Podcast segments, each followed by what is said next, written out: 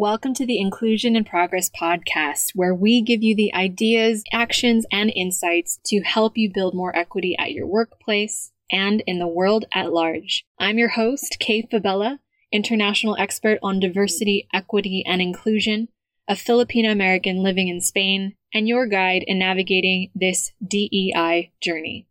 Having worked with teams at companies such as Philips, the IMF, Red Hat, PepsiCo, and more, I know firsthand that the work of inclusion only works when everyone has a seat at the table.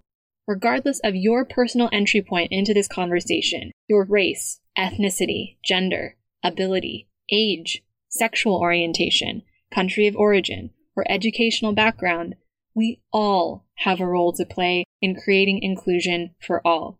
And it starts with us having conversations we need to create the change we wish to see. So let's dive into today's episode.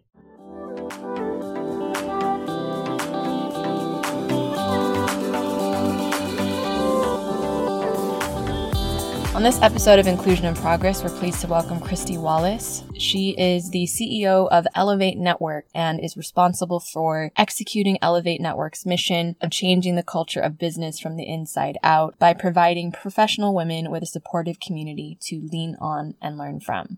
Given how much the pandemic has potentially set back gender equity in the workplace over the past year and a half, it is more critical than ever that women not just come together, but continue to lean on and support one another. I'm really excited for you to listen to this episode because you'll hear not only Kristy's trajectory as a member of the network all the way up to the CEO, but also how they have pivoted their mission to support working women given the changes that the pandemic has brought. So I hope you enjoy the episode and let's dive right in. Hello, Kristy. Welcome to the show. Hi. Thanks so much for having me here, Kay. The honor is all mine. I'm a huge fan of Ellevate and just all the work that you're doing. So it really is an honor and a privilege to have you with us today. Thank you. Of course as I was sharing with you before, this question that I always open with is the diversity, equity, and inclusion story that got you into this work. And initially, when I started these questions on these guest interviews, it was around how did you get into this work? But in many cases, I'm finding it's actually the other way around. How did the work find you? I'd love to hear a little bit more about how you got involved in Ellevate and even how your own DEI journey has unfolded. Absolutely. Happy to share. And it's something so many of your listeners will resonate with. Ellevate is a global community of women in the workplace. Initially, I got involved as a member. I was a manager pretty early in my career and just felt a lack of confidence in that. Wasn't sure what I was doing necessarily. I was getting mixed messages where people I was managing were saying I was too mean. People that I were reporting into said I wasn't tough enough and I needed a thicker skin there's all these mixed messages that predominantly women receive in the workforce, and I didn't know if I was succeeding or not. So a friend of mine said, you should check out Ellevate. It's a great community. There's important conversations, support, resources. And I did.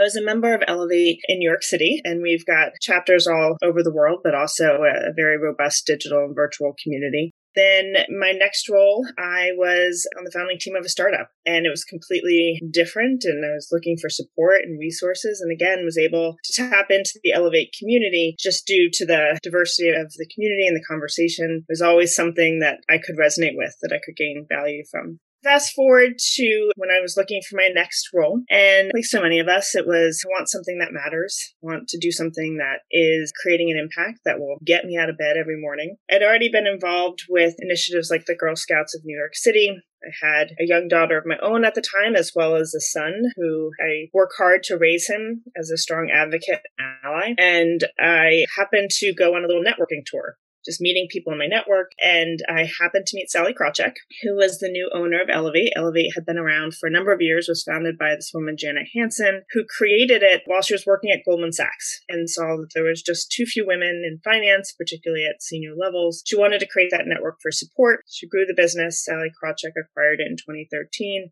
I met Sallie in 2014 and Sallie said, why don't you come on to Ellevate and run it day to day? So the big story is it was actually always central to me as an individual who was looking for the support, education, and community as a professional in the workforce. And then now through that power of networking, which is central to what we do, I met Sallie, I got the job, and I've been leading the organization. And it is by far the most fulfilling role I've ever had.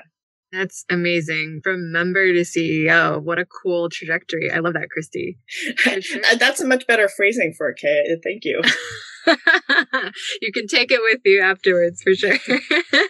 I love that. It does speak to the power of something that I know that from a lot of the work we do with groups that are historically excluded and underrepresented in different workplaces, that power of having a network of people that understands you and not only that you can lean on for support, but can also advocate for you. There's nothing like it. I love you sharing that story.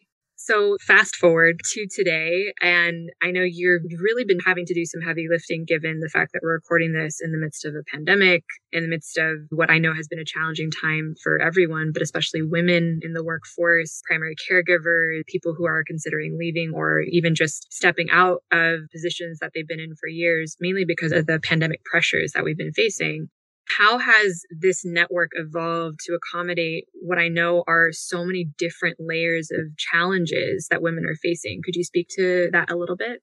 Thank you for asking that question I'm very proud of with Ellevate is the diversity of our community, but it's also the intentionality. When I started at the network back in 2014, the conversation around gender still rested in a very siloed space. It was those who identify as female, those who identify as male, women in the workforce. It was this big group. And still in many companies and contexts, it's seen as along the gender line. And that does it a disservice because not everyone's experiences are the same. We know that.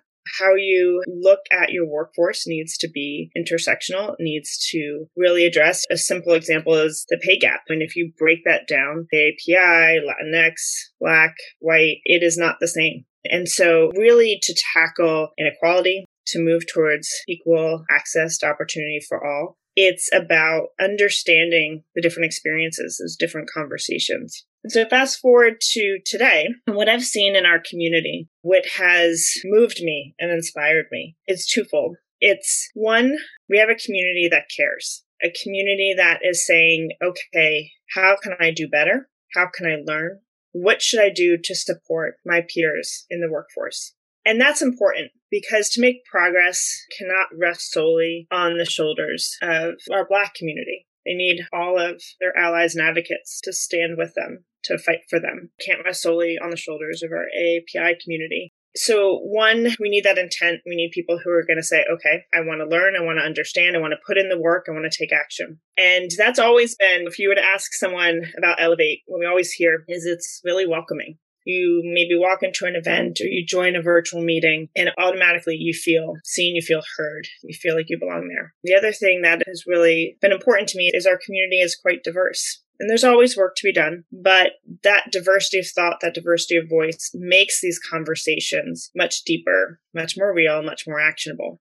So, what we do every day at Ellevate is creating the space for these conversations to happen, for that diversity of thought, for experience, for listening and then taking action. And I'm inspired by that because as we look towards what has happened this year and we look towards the future, What's going to be important is that we individually are getting the support we need to thrive and to grow. We've talked about burnout. We've talked about women leaving the workforce. It is a struggle every day. So we are able to get the support we need. Second is that we're able to show up in our workforce. If you are an executive, if you're an individual contributor, a manager, wherever you are in your company, that you are bringing these conversations, this knowledge, this experience with you into the workplace. It's not a top down effort. It's not a bottom up effort. It is an all of us effort. The third piece is how that then shows up in our world as well. I believe that women have such a powerful and important place in our world and in our communities to humanize them, to bring progress, to bring change in conversations. That is a long way of saying that what I've seen in our community this past year is a lot of heartache, a lot of anger, a lot of sadness, a lot of frustration. But more than any of that, I've seen a lot of hope, listening, action, coming together to support one another and to move forward. Because there's this resilience and this strength and this need for us to say, we won't let this slide backwards. We're not going to let this time move the needle back. We need to take it and move it forward. Agreed. We didn't come this far to only come this far, right?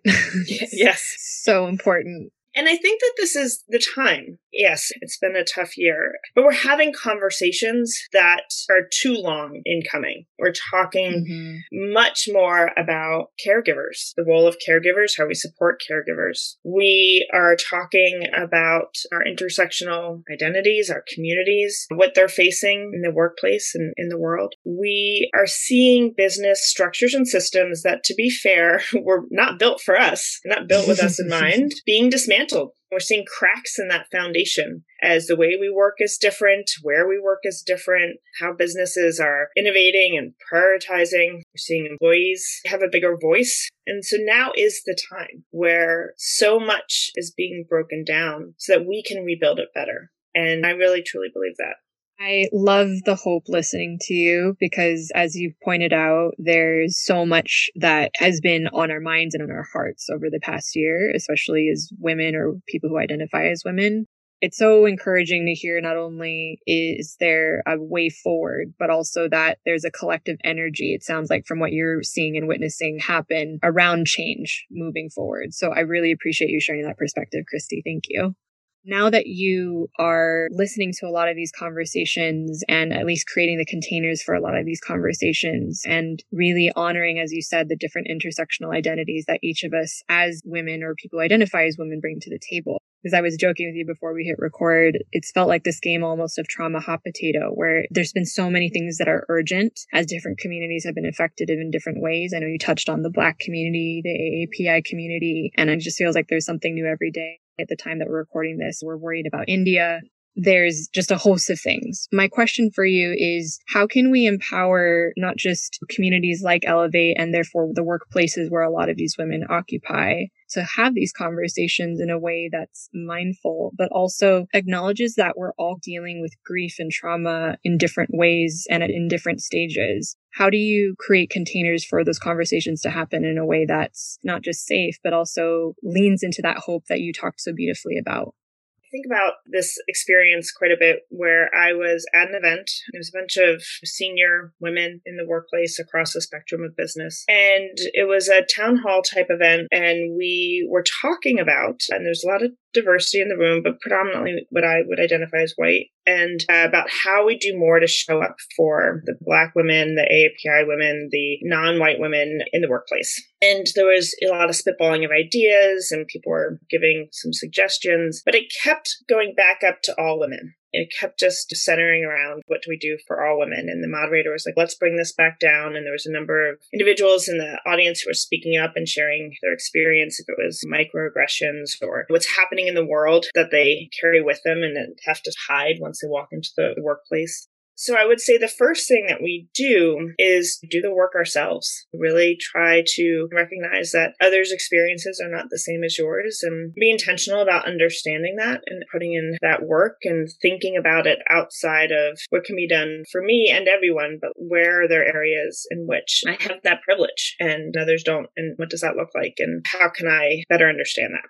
The second I would say is to acknowledge it acknowledge what's happening in our world. We've for too long tried to create this imaginary divide between the workplace and the world. You come in and you leave everything else on the curb. And you're just an employee in those walls. But we've seen in this past year and before that, that's not the case. When you see members of your community being murdered or being attacked when you're seeing what's happening is not something you just leave at the door that mm-hmm. impacts you. So for employees, managers, colleagues to just say, how are you doing? I'm here if you need anything. That matters. That's how you feel seen. I host an executive roundtable for a community every week. And I remember specifically the day after the Breonna Taylor verdict, just acknowledging that acknowledging how some of the people in this virtual room were likely suffering and were sad and angry. And I started getting all these side chats from people who were saying, Thank you. Thank you. I was at an all hands meeting at my company today and it wasn't addressed. I walked into the virtual team meeting today. No one said anything. And I just felt that what I was going through, no one cared. Mm. Didn't matter to them. And that made me feel not included in this workforce. The third thing I would say is make the space for these conversations. Something we do at Ellevate, it is not actually my idea. It came from Accenture. Where we have what we call community hours. And it's just a safe space for people in our company to come and to share what's on their mind, to talk about how the world is impacting them, what they're upset about, what they're joyful about, but just to bring that whole humanness self to the workforce, to feel supported. And I understand how for some making space for those conversations can seem a bit intimidating. Mm-hmm. But I'll tell you, they're already happening. They're just happening in these little side chats. So you hope they're happening. But by us creating that space, what it's helped to do is create more awareness within our workforce, allyship and advocacy more understanding and a space to feel like you could really show up for other people and support others. So those are just a few ideas of what individuals can do, what companies can do, kind of that intentionality of not just the public displays of we're anti this or we're for this, but just every day, who is in your workforce? What are they going through? And how do you create that culture that acknowledges the full self and that full identity? That's so powerful. I can't tell you how many different moments of whether it was racial injustice or even just an acknowledgement of, hey, this is happening to my community, feeling like you said, that part of me I have to leave at the curb. I've heard now in the work that we've done and how many times my heart breaks for those people. So it's so lovely to hear that not only is Ellevate providing that, but also that people feel that sense of being seen and heard, even if they're not able to get it in their workplace. So I love that. Thank you for sharing my next question for you would be when we return to, I'm saying not return to work, return to office because we've been working really hard this whole time. When we do return to the office, fast forward to a few years from now when this Rona storm just finally dissipates, we hope what are companies going to lose if they don't adjust their workforce to be more inclusive towards women of different identities? Based off of everything that you're hearing, you mentioned caregiving, you mentioned women of color. We didn't even touch upon women who are, for example, going through menopause at work. There's a host mm-hmm. of things within that group that weren't being effectively addressed before. And let's face it, whatever that old normal was, was just not working or sustainable for anybody. So if we're looking ahead, if you had the ears, and I know you do, but if you had the ears of all of your companies who are looking at their return to office plans, who are now in the space of, I want to not just continue to retain and attract female talent and leaders and future leaders of my company, what do they need to leave behind in this old normal so that those women can thrive within those cultures? So much, so much to leave behind. Uh, right? oh my gosh, where do we start? I know, and I've been fortunate with Ellevate because we're doing roundtables for working caregivers, for managers, career transitions, seasoned professionals, the Black women in our community, and we're making space for these conversations to happen. And I've learned so much. I would say we're going to see a power shift in the employee employer relationship because now some companies may be open to fully remote or more flexibility. They're going to lead with that. Maybe that's smaller companies who traditionally couldn't pay as much, but will have this type of flexibility and maybe more inclusive environment. I've been reading that we're seeing the COVID migration. The workforce is starting to leave where they've been for the past year. It's this inflection point of wanting to start fresh, to start new, to not go to work, but to go forward into the new work. We've always said quote unquote, it's a business imperative, diversity, diversity of thought, inclusion. That was largely performative for many. And where I see this going is it's going to be much more of a necessity. Really understanding and internalizing that as we see the shifting workforce, values and priorities of the workforce have changed as well. They've seen a lot over the past year plus. So that's the one thing employees are going to have some more power to make those decisions and to ask for more from where they work. But I also really encourage employers to be thoughtful and intentional about how the workforce communicates and works and collaborates moving forward. Because I'm worried that if, for example, a company says, okay, you can choose to come to the office or stay home, has that flexibility, which is the benefit and that is great. But then what happens if there's little side conversations happening in the office? You run into someone in the hallway, you give them an update on the project, you start collaborating on something. By trying to be inclusive in giving flexibility of where you work, do you actually create more of a divide and inequity because you're not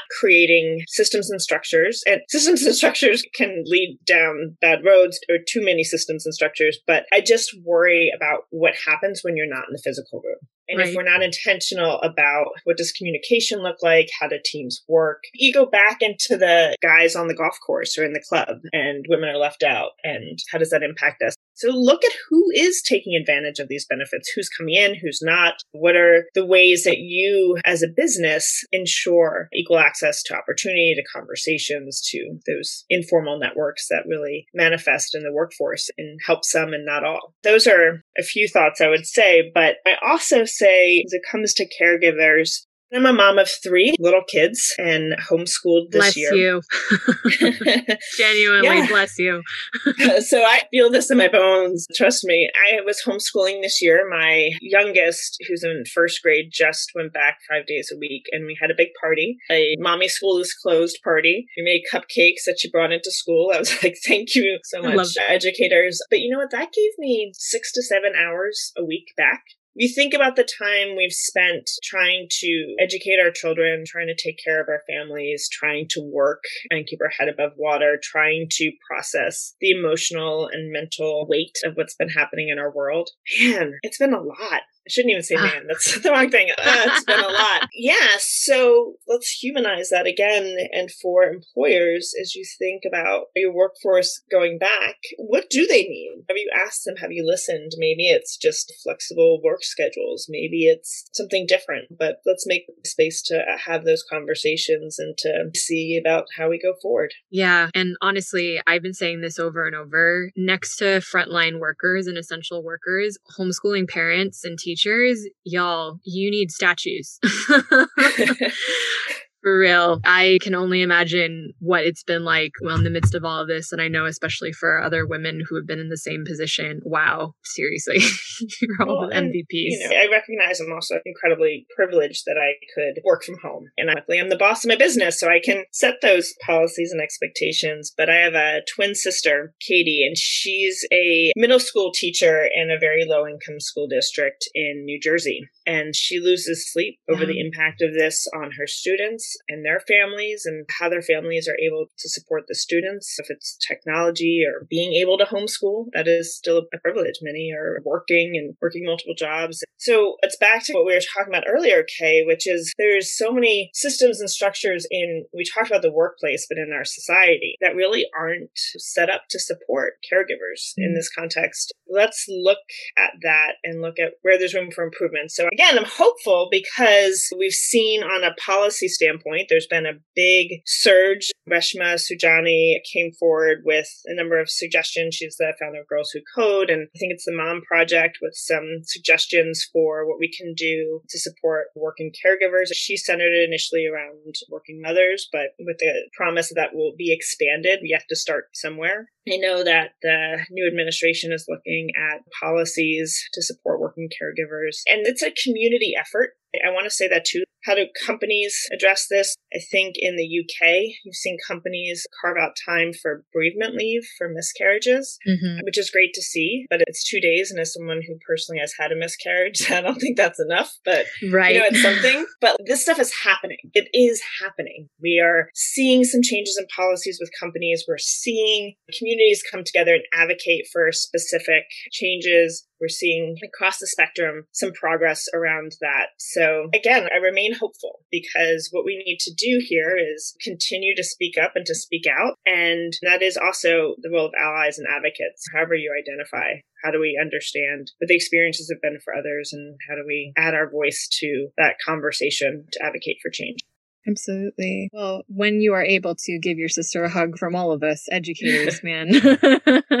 yeah, she's pretty um, amazing. Wow. It's clearly genetic, runs in the family. But genuinely, thank you, Kristy, for sharing. It's so cool to see not only as somebody who's privy to a lot of these conversations with professionals, with caregivers, with women from all across the spectrum in a professional capacity, in a leadership capacity, whether it's within a workplace or a formal work environment or outside of it. We know that this is a far reaching issue, challenge that we're all facing for gender equity. But I love everything that you've shared with us in terms of even a little bit of crystal ball action. We try to look ahead into the future a little bit for companies because I think it's really important for not just companies who listen to the podcast to understand that this is an inflection point and even though it feels overwhelming right now, it's actually an opportunity for implementing a lot of really positive changes that benefit people for decades and centuries to come to really reevaluate and revisit systems and structures, as you mentioned, that weren't really balanced in the first place. Also, the really renewed energy that people are bringing from different aspects of what they've lived through this year into the work environment as a result of what they've seen in our companies and our communities at large and the world at large from this past year. And I'm also walking away from this conversation with a lot of hope. So thank you for that as we come to the end of our conversation, I know you're doing so many cool things with Ellevate, but I would love to point people to how they can connect with you, how they can learn more about all the work that you're doing. And of course, be sure to link to all of that in our show notes as well. So could you please share where people could find you, Kristy? Absolutely. You can always find me as Kristy Wallace on LinkedIn at ellevatenetwork.com. I'm also Kristy A. Wallace at Twitter and Instagram. But yeah, would love to hear from your listeners to connect with you. As I mentioned, we're a coalition. We're coming together and it's going to take all of us to work together to form these bonds and to create the change that we seek. We can do it. You can do it. Each yes. and every one of you. I love that. Thank you, Kristy, for sharing your time and your wisdom and your expertise with us. We're so happy to have you. And thank you for being on Inclusion in Progress today. Absolutely. Thank you. For those of you who are listening, please be sure to tag Kristy or myself on social media. Let us know your favorite insights from our conversation today. And please check out all the awesome work that Ellevate Network is doing around the world. And don't forget to subscribe, rate, and review this podcast on iTunes. Every bit helps get conversations like this one, the resources shared on inclusion and progress, to the people who'd most benefit from a more inclusive world. Thank you again for tuning in, and we'll see you on the next episode.